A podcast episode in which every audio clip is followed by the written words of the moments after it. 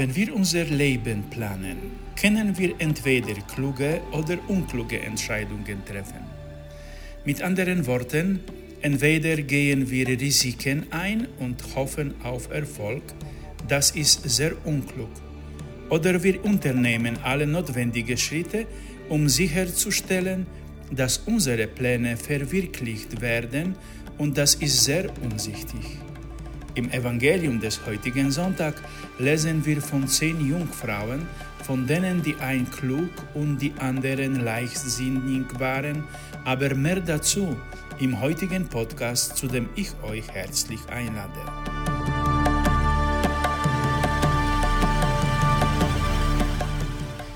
Ich bin Bruder Christoph, ich bin Kapuziner und lebe in Innsbruck. Jeden Samstag ab 12 Uhr könnt ihr meine Überlegungen zu den Sonntagslesungen in einem Podcast namens Ja mhm hören. Ihr findet meinen Podcast auf dem Server podbin.com. Ihr seid herzlich eingeladen, mitzumachen.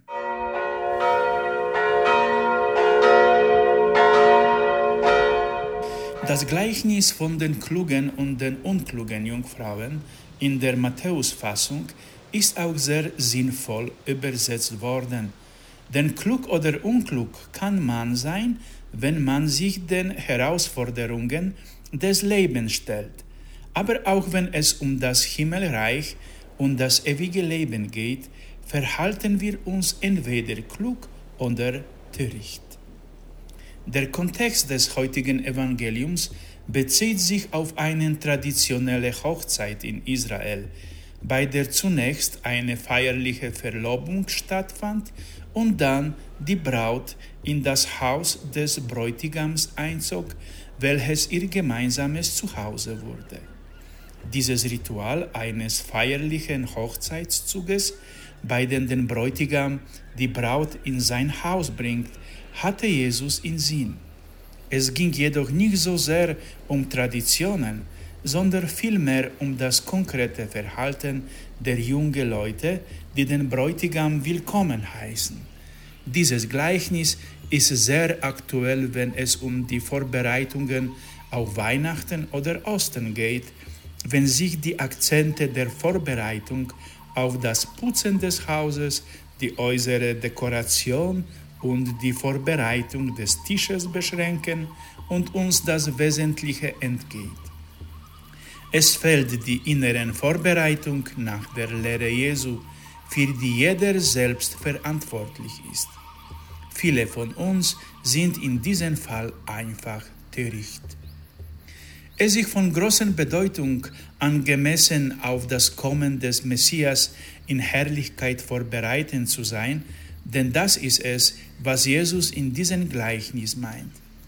Es reicht nicht aus, sich herauszuputzen, es reicht nicht aus, eingeladen zu sein, sondern es ist auch notwendig, angemessen vorbereitet zu sein, so wie die Leute beim Festmahl, die von den Straßen kamen. Ein Mann hatte keine entsprechende Kleidung und wurde zum Festmahl nicht eingelassen. Da ich gerade in Madagaskar bin, werde ich euch die Bedeutung dieses Gleichnisses in einem missionarischen Kontext erklären. Eine mit Öl gefüllte Lampe steht für die Bereitschaft und Verfügbarkeit, dorthin zu gehen, wo die Kirche dich braucht. In meinem Kontext ist das Madagaskar. Du nimmst deine Berufung, deine Wünsche, deine Spiritualität und die ganze technische Ausrüstung mit, die die sogenannten Missionsprokura Einrichtungen in deiner Heimatsprovinz, die sich um dich und deine Mission kümmern, damit es dir an nichts fällt. Das ist meine Lampe, aber mit der Zeit nutzt sich alles ab. Ich brenne aus, meine Energie geht zu Neige und irgendwann, wenn ich nicht genug Öl habe, werde ich wie diese Lampe erlöschen und der Herr wird vorübergehen. Woher nimmt ihr das Öl? Das Öl ist mein persönlicher Kontakt mit Gott, regelmäßig, täglich, ein Kontakt und eine Beziehung, die die Inspiration für jede missionarische Tätigkeit ist.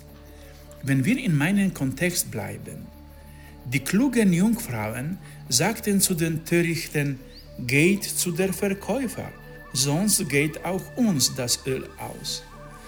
Ja, das aber nicht zur rechten Zeit passierte, waren die törichten Jungfrauen einfach zu spät daran.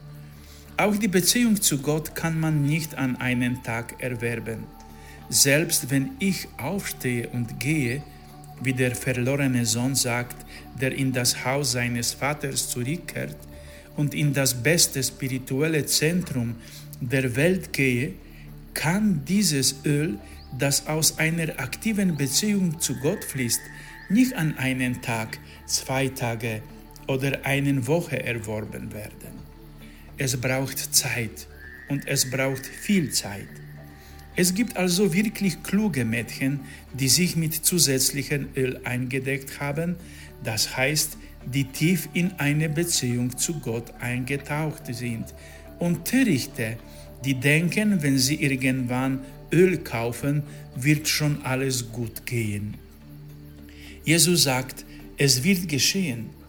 Trotz eures Eifers, eurer Bereitschaft und eurer Anwesenheit werdet ihr nicht genau dann da sein, wenn es notwendig ist. Liebe Brüder und Schwestern, wir kennen dieses Beispiel von der Mission auf jede Realität unseres Lebens und unseres Engagements übertragen. Seid weise, nicht unbesonnen. Wählt gut und möge der Herr euch Frieden schenken.